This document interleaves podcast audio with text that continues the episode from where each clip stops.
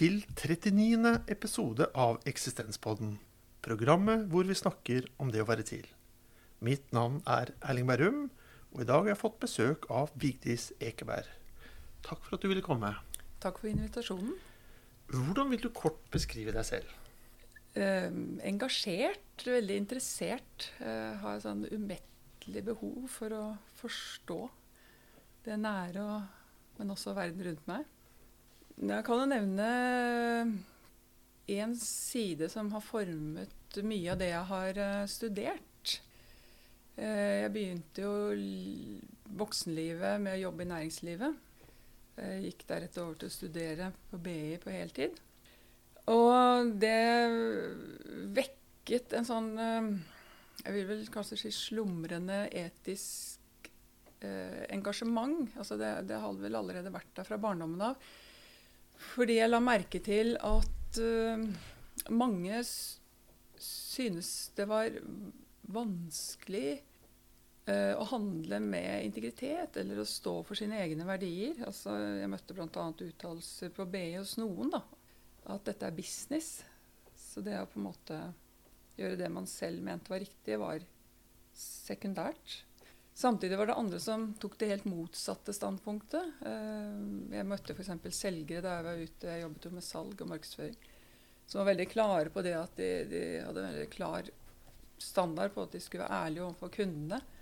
Selv om de selv hadde gjort en blunder, så skulle de på en måte stå for det. da. Ikke prøve å dekke det over. Eh, så det, det, det engasjerte meg eh, og gjorde at jeg hadde lyst til å lære mer om etikk. Samtidig så følte jeg meg nok litt historieløs da jeg gikk på BE, for jeg hadde gått eh, yrkesfag før det, handel og kontor, som det het den gangen. Eh, så derfor begynte jeg på X-FIL, og da ble jeg hektet på filosofi, hva jeg vil si. Var det en eller flere filosofer som bidro spesielt til det? Ja, Aristoteles i stor grad, men den søkende, eksistensielt spørrende siden av meg har nok eh, også vært veldig formende for at jeg jobbet, jeg har jobbet mye med Sart ja, eksistensialismen, men særlig Sart. Ja, Personlig fikk jeg også en veldig sterk og god opplevelse i møte med Kirkegård. Ja. Så jeg kjenner meg igjen den der opplevelsen av begeistring. Mm. Du har også blitt bedt om å velge ut en grunnleggende dimensjon ved det å være til som menneske. Hva har du valgt som tema for dagens program?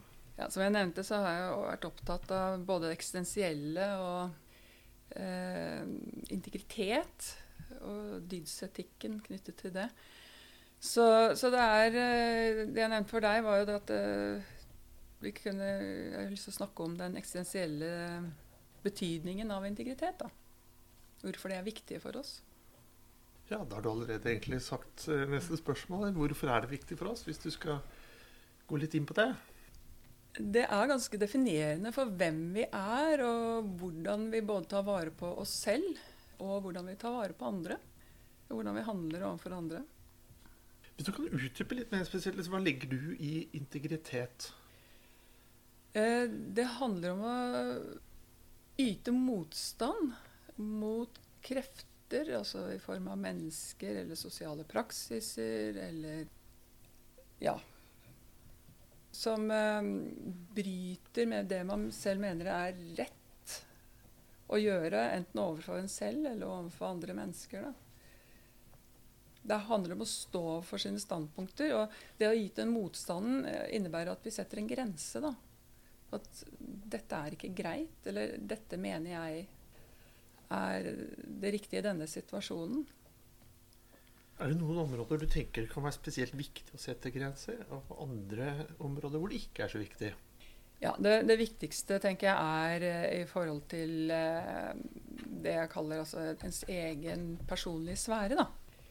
Eh, for da jeg begynte å jobbe med integritet, så tenkte jeg det først på det som en dyd, at jeg skulle undersøke det.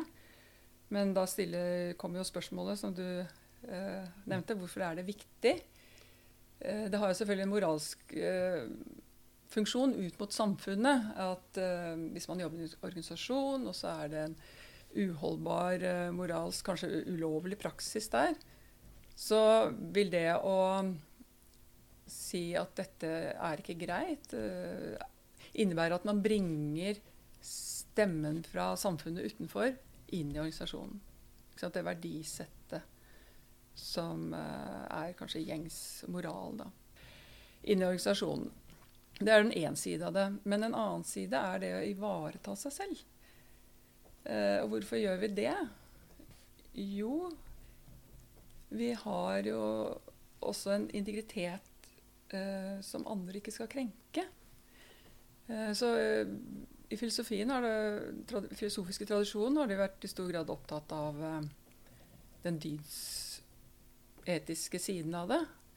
Og det har vært diskusjoner om det egentlig er en moralsk dyd eller ikke. Eller dyd over. Men hvis, uh, i det medisinske miljøet så er de opptatt av å respektere menneskers integritet. Og i forhold til personvern så er det også en viktig side av integritet. Og da snakker vi om noe som mennesket har, uh, uten å gjøre noe for det. Altså det er side av det å være menneske. Og det har jeg da kalt iboende integritet, for å ha et sånt skille mellom det som er et karaktertrekk, og det som er uh, et aspekt av det å være menneske, da være i verden som menneske. Mm. Hvorfor er det så vanskelig for uh, flere av oss, jeg har inkludert meg selv, uh, å ivareta min egen integritet? Ofte sånn sier jeg ja, men jeg skulle ha sagt nei. Jeg tenker at noen situasjoner der er en sånn situasjon hvor jeg lar andre hensyn og vurdering overstyre? Ja, altså En viktig side av det å ha moralsk integritet er jo å ta hele situasjonen i betraktning. Eh, så det er ikke nødvendigvis galt å si ja, eh, selv om det kanskje strider litt mot ens egen integritet. Men hvis man føler at man virkelig går på akkord med seg selv, så kan man begynne å spørre seg om dette er riktig. Fordi vi vil komme opp i moralske dilemmaer hvor moralske hensyn står mot hverandre. Og det å erkjenne det, å stå i den situasjonen og så ta et uh, valg som man føler man kan stå for, handler også om å ha integritet. Uh, men når det er sagt, så er det jo Vi vil jo gjerne være imøtekommende, da. Det er høyst menneskelig. Så det kan være én grunn. Men, uh, men, da vipper man litt over på liksom, kanskje psykologisering og grunner for det. Og det, det, er så mangfoldig, så det er vanskelig for meg å kunne si akkurat hvorfor vi ikke gjør det. Ja, for En ting er liksom moralsk integritet, eh, hvor man også kanskje kan eh, lettere ivareta den. Mm. Jeg tror nok jeg tenker litt også mer på mer sånn personlig integritet. da. Ja. Sånn, eh, ikke nødvendigvis knyttet til sånne store moralske spørsmål eller temaer, Nei. men mer knyttet til eh, eh, hva man prioriterer tiden sin på. Ja, sånn, ja. Mm. Noen er flinke til å være veldig klare og tydelige på eh, hva de ønsker å gjøre, hva de ønsker å bruke tiden sin på. Mm.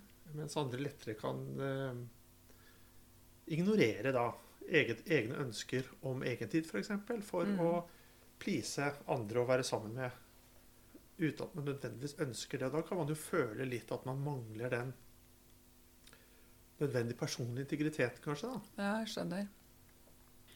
Har du noen gang følt det på den måten?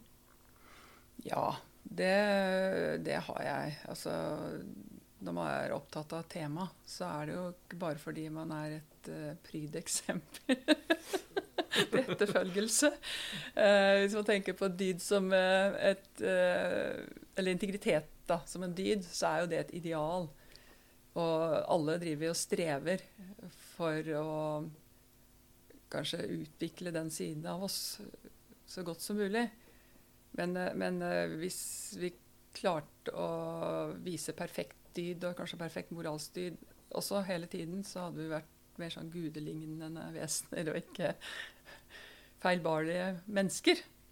Så, så det, er, eh, det, er, nok uh, grunnen til det. Men uh, når det er sagt, så, så um, ligger det en sånn moralsk appell i dette med iboende integritet som jeg har lyst til å si litt om. Fordi ikke, det, det, er jo ikke bra for oss å uten videre slippe hvem som helst inn i vår intimsfære, f.eks. fysisk. Det er et område hvor vi selv vil bestemme. da. Så hvis vi går på akkord med egne grenser sånn sett, så, så, så er det ikke bra for kanskje kan si, det eksistensielle helsen vår. Eller hvis vi, vi, setter grenser, eller hvis vi ikke er i stand til å sette grenser fordi vi er i koma eller har drukket altfor mye eller et eller annet, så, så vil jo de som da handler på vår kropp, krenke oss. Ikke sant? Hvis de gjør noe galt. Da tenker jeg ikke på legepersonell som må gjøre en nødvendig livredning og sånn. Men Og det, det rammer vår eksistensielle helse, da. Altså hvilken verdi har jeg når noen kan gjøre noe sånt mot meg? Hvilken verdi anser de meg for å ha når de kan gjøre noe sånt mot meg? Så disse øh, sovevoldtektene er jo sånn typisk eksempel på det. ikke sant? Altså, det skader noe, da. Vi får et behov for å heles. Det rammer selvfølelsen vår. Eh, det kan ramme følelsen av mening. Så, så, så det er eh, Hva skal jeg si Det er moralsk relevant da, at uh, andre og oss selv ivaretar vår integritet, vår iboende integritet. Og dette er jo grenser, med mindre vi er ekspressive for grensene, så er jo dette grenser som på en måte vi har, men som er det sånn, litt sånn uuttalt appell til den andre. Nå, nå, kan ikke jeg ta vare på meg selv. Da må du gjøre det. Og det er særdeles viktig. Tenk deg de som er veldig veldig demente også. ikke sant? Altså, eller veldig psykisk utviklingshemmet også. Du bruker ordet eksistensiell helse. Eh, hva ligger du i det? Eh, det handler om de fortolkningsrammer og ressurser vi har for å møte livsendrende hendelser. Det har selvfølgelig med livssyn å gjøre, men vår virkelighetsforståelse, vår menneskeoppfatning, formes også av den livserfaringen vi har. Og de verdiene, ikke minst, som vi har. Um, slik at når vi er tydelige på våre egne verdier, så er det en ressurs å møte vanskelige livssituasjoner med. da. Også livssituasjoner som kan være veldig lykkelige. Altså det å bli foreldre, eller det å eh, bytte jobb, eh, begynne å studere kanskje. Eller sånn som jeg nå, ikke sant, med en pandemi. Hvilke ressurser har vi til å møte det? Eh, hvilke ressurser har vi til å møte det med? Så, mm, og selvfølgelig dødsfall og sykdom og de tingene der. Skilsmisse. Mm. Det ligger kanskje litt uh, implisitt i det du sier, men uh, hva vil du si kan bidra til å svekke ens egen eksistensielle helse? Kanskje de samme tingene. Uh, disse livsendrende situasjonene kan svekke den hvis vi, ikke, hvis vi mangler fortolkningsrammer og blir litt sånn Hva gjør jeg nå? Uh, hvordan skal jeg møte dette? Dette forstår jeg ikke. Så da kan vi trenge kanskje noen å snakke med, eller uh, lese tekster som kan bidra. Bøker. Høre på eksistenspodden, kanskje. ja. Jeg vet ikke. Men uh, Alle monner drar. Ja.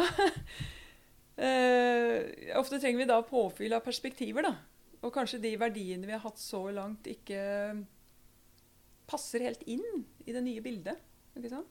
Kan de også være filosofiske praktikere som man kan eh, oppsøke for å få litt hjelp med perspektivtaking? Ja, absolutt. Det kan man absolutt eh, gjøre. De er jo trent i det. Ja, det er det. Så de er trent i å forfølge en tanke lengre, da. Og jobbe med det utgangspunktet hver enkelt har, i samarbeid med den som kommer til samtaler. Mm. Tror du noen gang at vi går til psykolog når vi burde kanskje gå til en filosof eller filosofisk praktiker? Ja, det tror jeg. Eh, særlig hvis det er mer sånn type eksistensielle spørsmål, eller at vi bare trenger å få litt oversikt over situasjonen vi er i. Når du snakker om eksistensiell helse, vil du også kunne bruke et begrep som eksistensielt overgrep? Mm, Det var et godt begrep, syns jeg. Jeg har ikke tenkt på det. Jeg, jeg har tenkt mer i termer av krenkelse eller et angrep på integriteten og sånn. Men eh, ja. Jeg tror vi kan tenke det i de baner også, helt klart. Fordi eh, man blir ikke verdsatt som en eksistens på lik linje med den som gjør overgrepet. da. Man blir redusert til noe annet. Hvis vi ser, eh, hvis vi ser litt utover eh, krenkelse av den iboende integriteten sånn Ja. rent fysisk og personvernmessig og sånne ting, Mm. eh, og tenker litt på den situasjonen som vi nevnte i stad, Ja. hvor man uten at det nødvendigvis foregår noe fysisk overgrep, eh, men at man likevel kan føle seg grenset til at det, det andre invaderer ja. ikke bare liksom nødvendigvis intimsfære, men kanskje invadere på det som heter personlig da, stolthet, da, f.eks. Mm. Eller eh, grunnleggende respekt, Mm. som alle mennesker eh, har godt av å oppleve Mm. eh, og bli møtt med. At når man ikke blir møtt med det, så ligger det også en form for eksistensiell krenkelse av subjektet.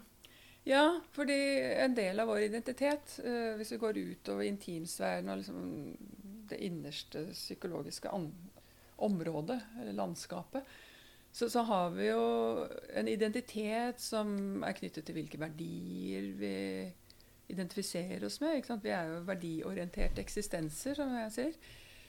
Hvem vi vil være, osv. Og hvem vi opplever selv at vi er. Og så kan jo noen mene at nei, nei dette, er, dette, dette er uholdbart. Sånn kan jo ikke være. Da, da går de over en grense. Men, men samtidig så kan vi ikke si at nei, dine eller mine verdier skal ikke kunne gjøres til gjenstand for kritikk. Det går heller ikke. For de verdiene jeg har, det, det former jo hvordan jeg handler og mine holdninger til andre. Så det må kunne diskuteres også, men da, da kommer dette med respekten.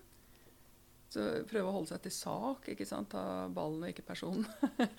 men, men det er et sårbart område, da. Fordi vi, er, vi identifiserer oss jo med disse verdiene. Kan jeg være mer la oss si, eksistensielt krenkbar hvis jeg har uh, uklare verdier, da? Eller hvis jeg har et litt mer uklart forhold til hvem jeg er, eller udefinerbart forhold til hvem jeg er?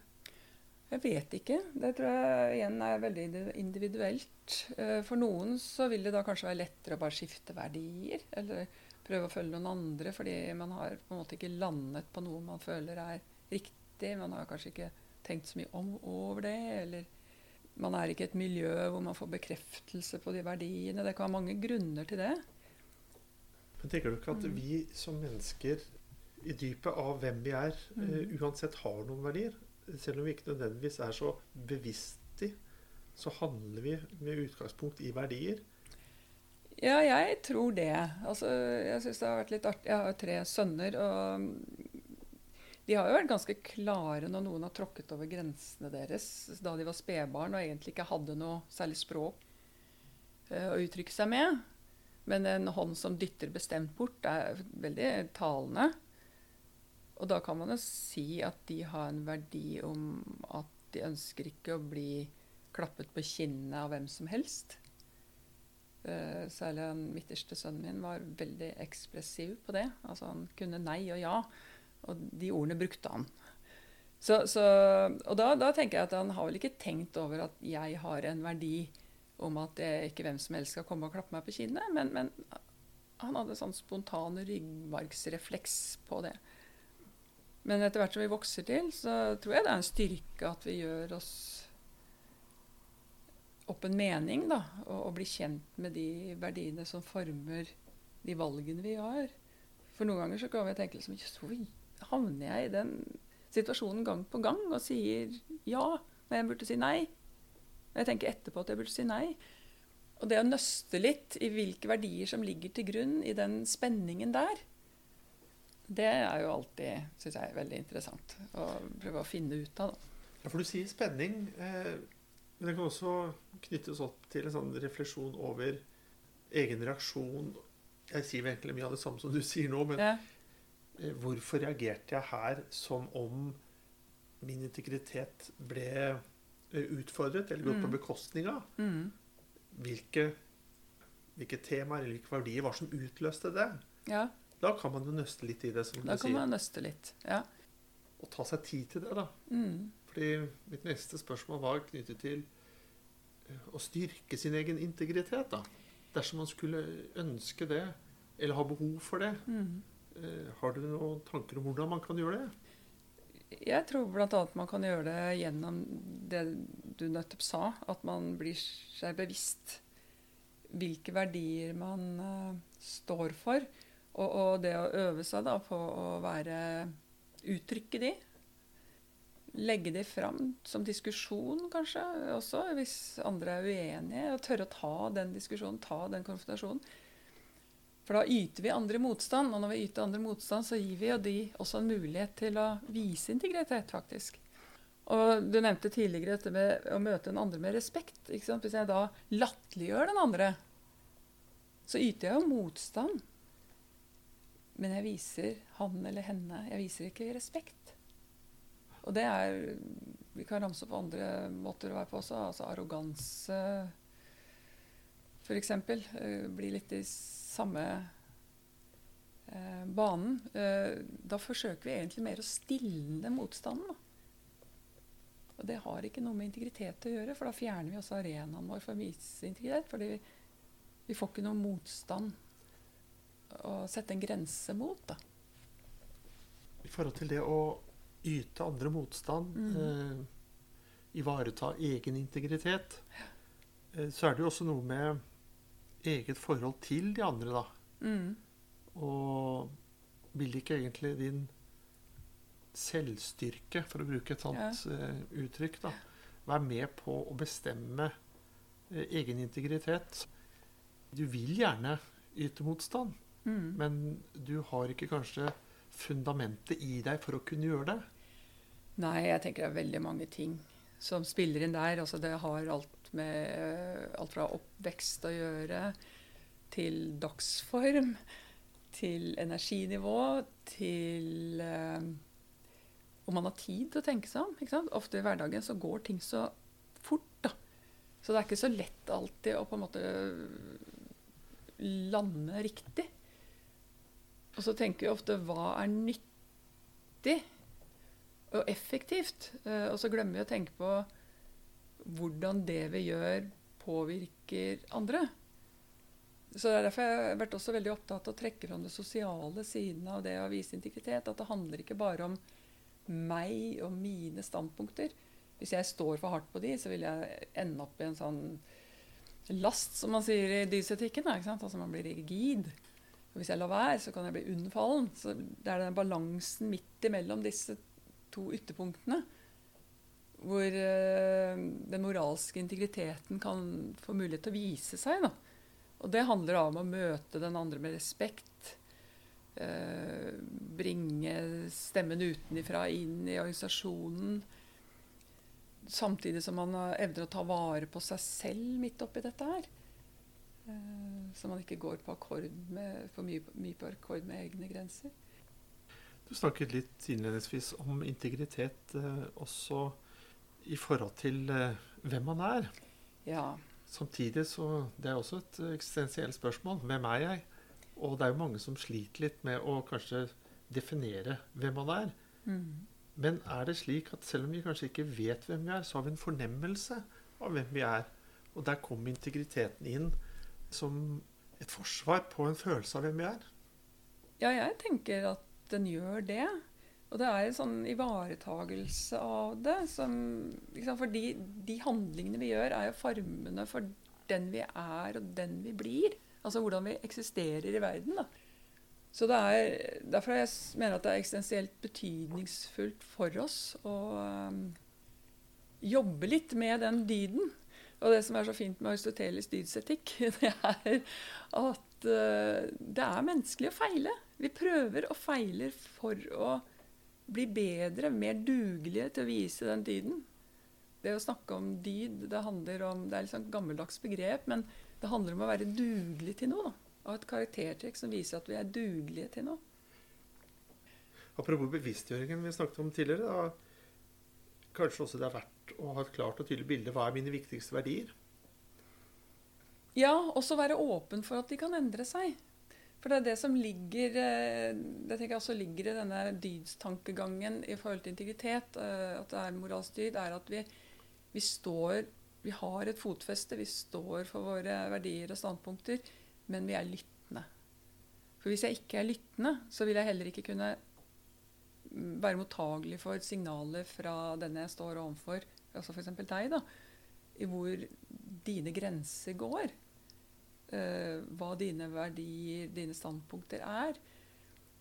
Og, og samtidig som jeg har fotfeste, kunne sette ståstedet mitt litt på spill da, og tenke at andre har noe fornuftig å si som det er verdt å lytte til, rett og slett. Du sa tidligere i stad dette med å, å, styrke egen integritet. Liksom det å sette ord på. Mm. Kan også ærlighet liksom trekkes inn her? Ja, oppriktighet, ja, lærlighet. Overfor seg selv kanskje først og fremst også? Mm, men også overfor andre. Fordi eh, da glir man ikke inn i selvbedraget. Ikke selvbedraget er jo noe eksistensialistene er opptatt av. Så, så, det å være oppriktig, at man, man, viser et sant bilde av seg selv da, for andre, så vet jo andre hvor du står hen. Det, det blir lettere for andre å forholde seg til deg da.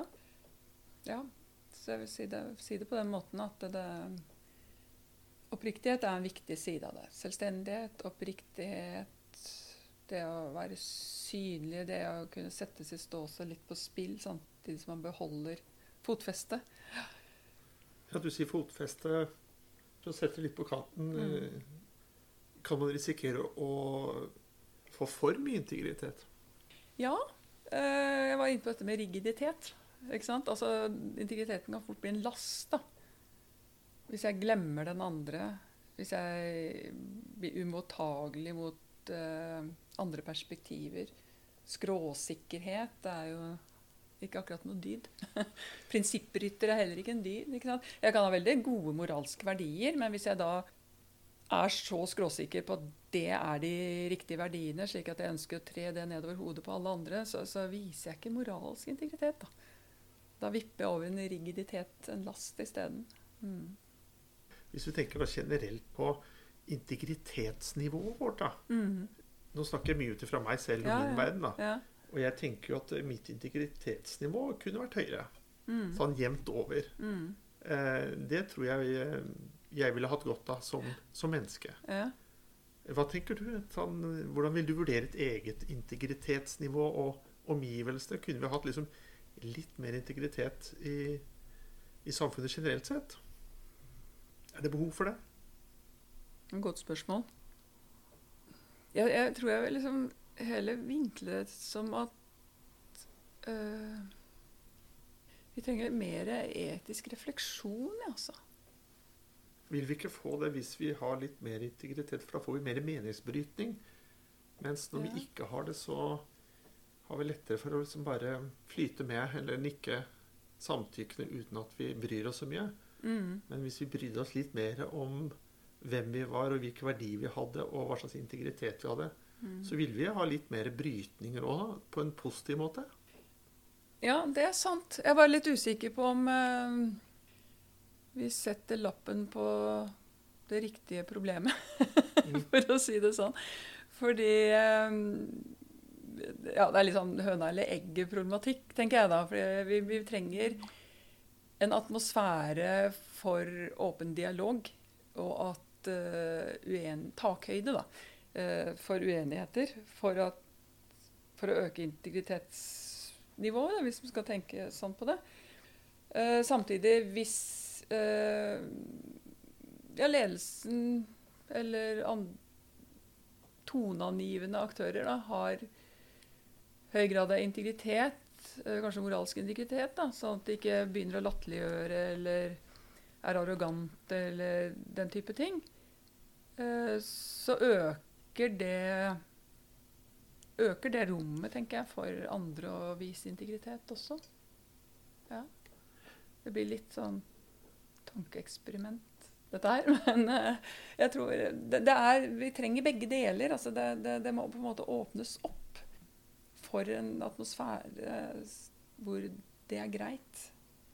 At vi skal ikke være en flokk sauer. Vi skal kunne snakke med hverandre om disse tingene. Ja, Da er du inne på noe annen viktig eksistensiell dimensjon, da, som Mm. går på tillit. Mm. Grunnleggende tillit til Ja. hverandre. Ja, det har vært snakk om sånn psykologisk eh, trygghet i organisasjoner. ikke sant? Og hvis man har tillit, så blir det også mer psykologisk trygghet. Uh, nei, det begynner å komme en del innenfor ledelses, uh, ledelsesteori, da, dette med psykologisk trygghet i organisasjoner. Hvis det er det, så er det også lettere å både gjøre feil og prøve ut, men også selvfølgelig å komme frem med det man mener og stå for den man er. Og vi må kunne tåle at vi har forskjellige verdier. Det, det må vi også tåle. Det er ikke sånn at alle skal bli like. Det er ikke det som menes. Kanskje på noen få områder ha et par felles verdier, da. Og da tenker jeg på Voltaires kjente Mm. utsagn om at eh, jeg er i dypet av min sjel uenig med hva du sier, men jeg vil inntil døden skiller oss ad, forsvare din rett til å være uenig med meg. Ja. Den, det må vi være enige om. Ja, det må jeg og, og i organisasjoner så trenger vi Vi må jo ha noen felles, eller en god del felles verdier som vi er enige om, og som vi praktiserer. ikke sant? Altså det Både i forhold til ansiktet utad, men også helt grunnleggende verdier som ærlighet, oppriktighet, eh, talens for å bruke Løgstrup. Eh, ivaretagelse av hverandre. Altså det, er, det er mange verdier som gjør et arbeidsmiljø godt, da. Det er det. Har du noen eh, eksempler på personer, eh, være seg nålevende eller historiske, som du mener har utvist eh, særdeles god integritet? Ja, jeg har jo det. Men eh, ja, jeg skulle ønske at jeg kunne trøkket fram veldig mange eh, hverdagseksempler. Men det er alltid litt vanskeligere, for da må man liksom beskrive det veldig. Men hvis vi tar Nelson Mandela, da, han, er, han er jo mann med integritet. Altså virkelig skinnende integritet. Samtidig så har jo kommentatorer påpekt at han har gjort en del feil også. Altså, fordi han ble for rigid. Da. Han havnet i en sånn last. At han ble for rigid på det han selv mente. Men det syns jeg er fint, for det viser den der menneskeligheten. Da. At uh, selv om man er et godt eksempel på et menneske med integritet, så, så gjør man feil. Og det er en del av det å vokse som menneske. Da er vi på slutten av eh, dagens samtale. Jeg pleier liksom også å spørre om noen tips eller råd til eh, lytterne som har hørt på denne samtalen om eksistensiell integritet og eksistensiell helse, og som da kanskje gjerne ønsker å styrke seg på det. Vi har jo allerede vært litt inne på det. Mm. Men uh, hvis vi snakker om anbefaling, da vil du anbefale de å gjøre for å kanskje bli enda uh, tydeligere på hvem de er og hvilke verdier de har. Vi snakket om bevisstgjøring, språkliggjøring, men er det noe vi legger til på det? Hva skal jeg si? Det er kanskje å hoppe ut i det da, og se hva som skjer. Det kan være en eh, Begynne å ta de små skrittene først. Um, Når du sier 'hoppe ut i det', hva legger du i det? Nei, det å tørre å vise frem mer av seg selv, kanskje. Ta sjansen. Ja. Jeg tror jeg vil uh, anbefale det. Og, og se litt i at det er ivaretagelse både av en selv, men også være et eksempel for andre. Jeg gjorde det, husker jeg. På jeg har vel kanskje balet litt med dette her lenge. Eller det vet jeg jo at jeg har gjort. Men det var første året på videregående. Og da var det en eh, gutt i klassen som hele tiden drev og plagde jenta bak seg. Og hun var veldig sjenert, beskjeden, så hun sa at han skulle kutte ut, da, men det gjorde hun. Men han lot være, og læreren grep ikke inn. Var litt sånn svakt av og til. Og til slutt så fant jeg at nå kan jeg ikke være stille lenger. og dette var en jeg kjente fra tidligere av. Altså vi har gått på ungdomsskolen sammen. Så jeg sa veldig høyt og klart ifra at nå må du kutte ut. La henne være i fred. Og han ble veldig overrasket. Og jeg ble litt overrasket selv også, men veldig glad for at jeg gjorde det. da. Og det, Jeg måtte gjøre det en gang til eh, senere, men han ble veldig sjokkert, husker jeg, at det kom fra meg da. Men da hoppet jeg ut i det, og det, det føltes veldig riktig og bra, og han sluttet å plage henne. Det at du hoppet ut i det på den måten og fikk den følelsen at det var riktig og bra, Mm. eh, vil du si altså det har eh, vært med på å påvirke deg positivt eh, videre i livet? Ja, absolutt. Det vil jeg si. Det gikk jo bra, og det virket, ikke minst. Så, så alle så Det var sånn lite skritt, da. Det ene tar det andre. Da var det litt lavere terskel for å gjøre det neste gang. Har du noe visdomsord du gjerne vil dele? Ja, da kan jeg kanskje dele det som jeg lever etter selv i stor grad, da. Og det, det er det viktig som filosof så må jeg være litt sånn nøye på å si det at man må se de i sammenheng, disse to setningene jeg nå sier. Det ene er å leve som om du skal dø i morgen. Det andre er da som å lære som om jeg skal leve evig. Da takker jeg deg for samtalen. Takk også til deg som lytter for å ha fulgt oss denne gang. Vi høres igjen, og inntil da, ha det bedre enn bra.